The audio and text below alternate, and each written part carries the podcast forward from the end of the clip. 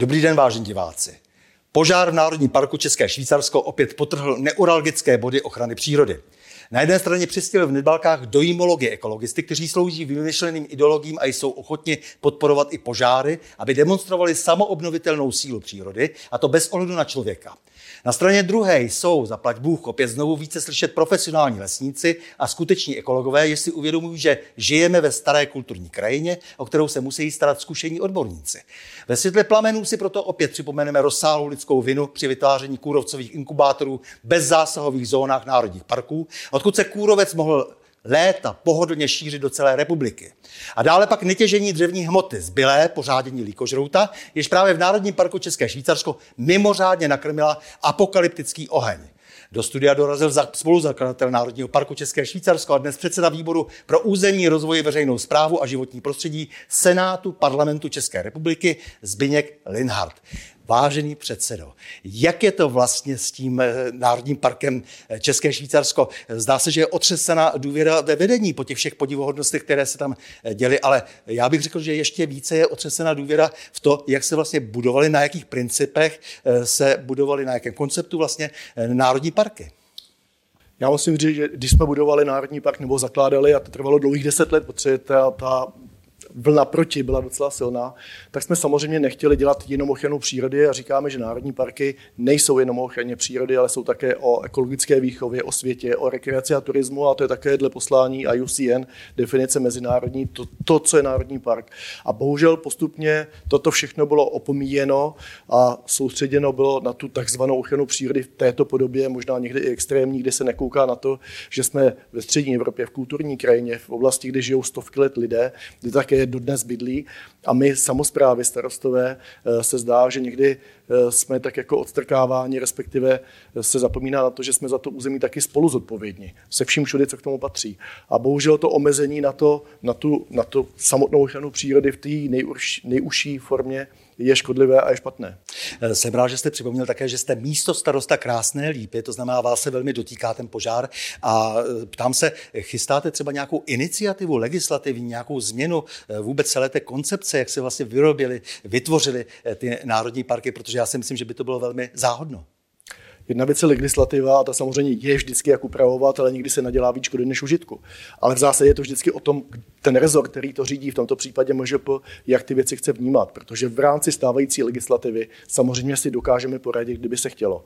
Prostě tak, aby starostové, samozprávy, lidi uvnitř žijící v tom regionu, aby měli nějaké zastání, protože tak, jak fungují například rady národních parků, tak je to velice formální, protože u nás z těch 27 členů je jenom 8 těch samozpráv z místa a ostatní z velké části jsou lidi navázaní tak či tak na ministerstvu, přímo zaměstnanci rezortu nebo fakturanti rezortu a nebo ty, co mají nějaký zájmy. Takže potom to jednání, respektive hlasování v takové radě je vlastně předem dané, protože je spousta lidí zainteresovaných a tak dále. A je z toho spíš formalita.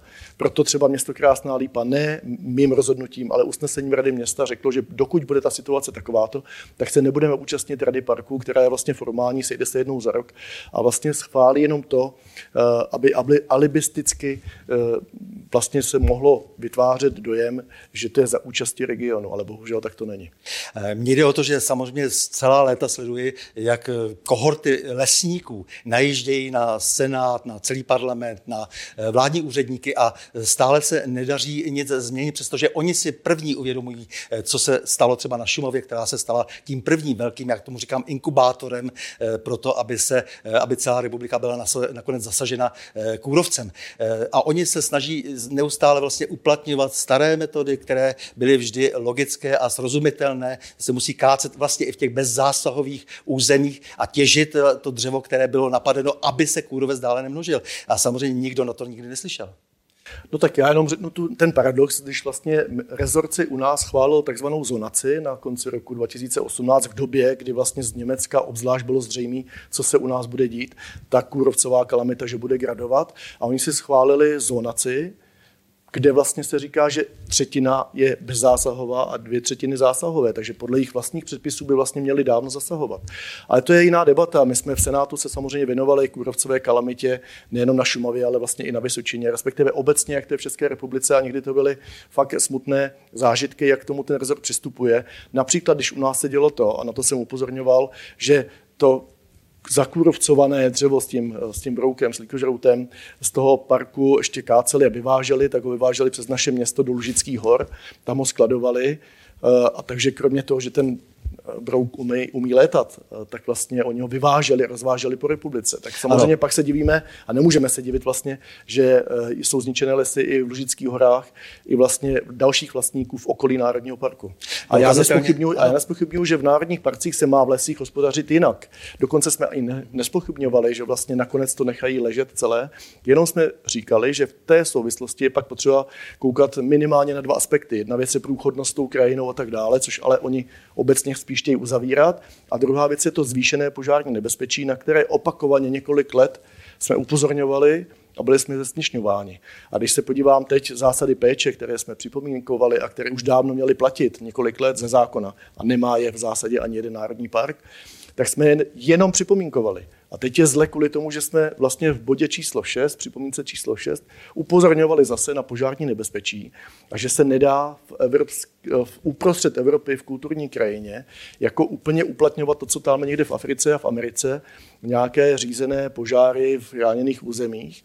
A vlastně oni to na sebe v neděli i v to pondělí řekli, že to vlastně zkoušeli, jenom se jim to vymklo a trochu moc. Máme největší požár v republice, v historii republiky, takže sranda to není. Tak jak mm-hmm. Já jsem chtěl ještě říct, že prokazatelně ten brouk uletí i stovky kilometrů podle studií, když všichni vzývají Spojené státy, eh, podle studií ze Spojených států. Eh, takže víme, že se množí velmi rychle, když se mu tedy nepřistřihnou ona křidílka, to znamená, že se včas to dřevo nekácí, asan, neasanuje a nespracovává rychle, prostě neodváží z lesa. U nás šlo o pár kilometrů, vlastně kdy o stovky metrů, ale když se tomu pomáhalo, se to rozváželo. A když jsem to upozorňoval před ředitel ředitele České inspekce životního prostředí, tak mi říkal, že oni nemůžou kontrolovat ty auta. Jako já v tomto případě paradoxně to vyvážel list území, který spravuje ten rezort, takže to mohli dělat. Ale takhle to se vším, že jo. My vlastně ty úřady tak máme, aby tak jako nějak existovaly a dokázali věci vysvětlovat, jak nejdou.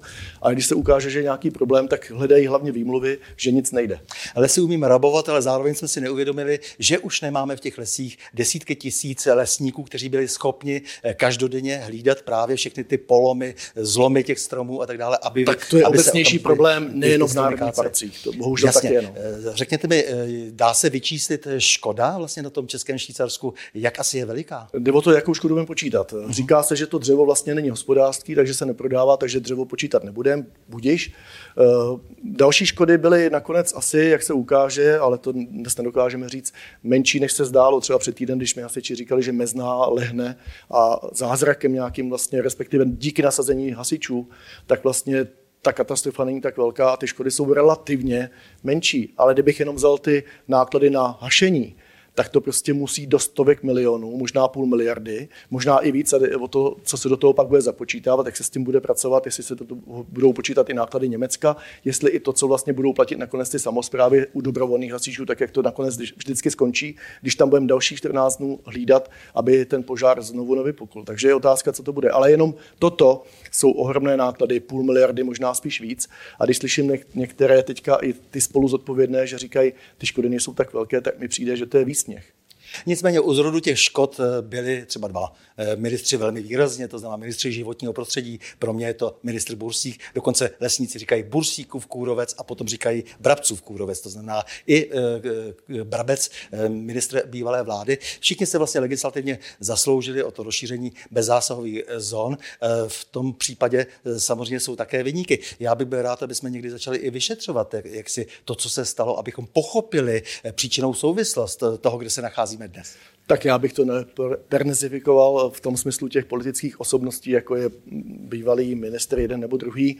Je vidět, že ty už dávno tam nejsou a vlastně ta zónace, o které jsem mluvil, ve dvou třetinách se mělo zasahovat a nezasahovalo. Takže vlastně je vidět, že jedna věc je legislativa, jedna věc je velká politika a pak je něco mezi tím, řízení toho rezortu, řízení vlastně toho národního parku, který, kteří se mají říct svými vlastními předpisy a to taky nezafungovalo. Takže je otázka, kdo za to může, do toho se nechci pouštět, to je na delší debatu, to bychom tady seděli dlouho. Jak to zasáhne turistický ruch, ještě to, co se stalo v Českém Švýcarsku?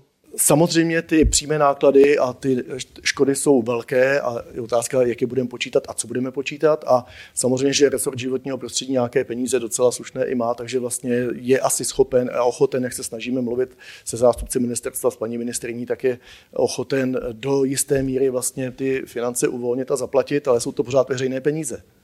Peníze nás všech. A druhá věc je ty nepřímé náklady vlastně, kterých bude daleko víc, ale nebudou se týkat jenom Hřenska okolí, respektive toho požáru a těch několika nemovitostí podnikatelů nebo těch privátních, ale bude to další majetek, státní, obecní, ale spíš nepřímé náklady v tom regionu právě do oblasti cestovního ruchu. V tom, v tom regionu vlastně už téměř nic jiného není. Eh, než cestovní ruch je to perspektivní, jako bych řekl, obor, který je vlastně na začátku ve vztahu k tomu, jak vidíme cestovní ruch hnedka za hranicemi v Sasku, v Rakousku, v Německu.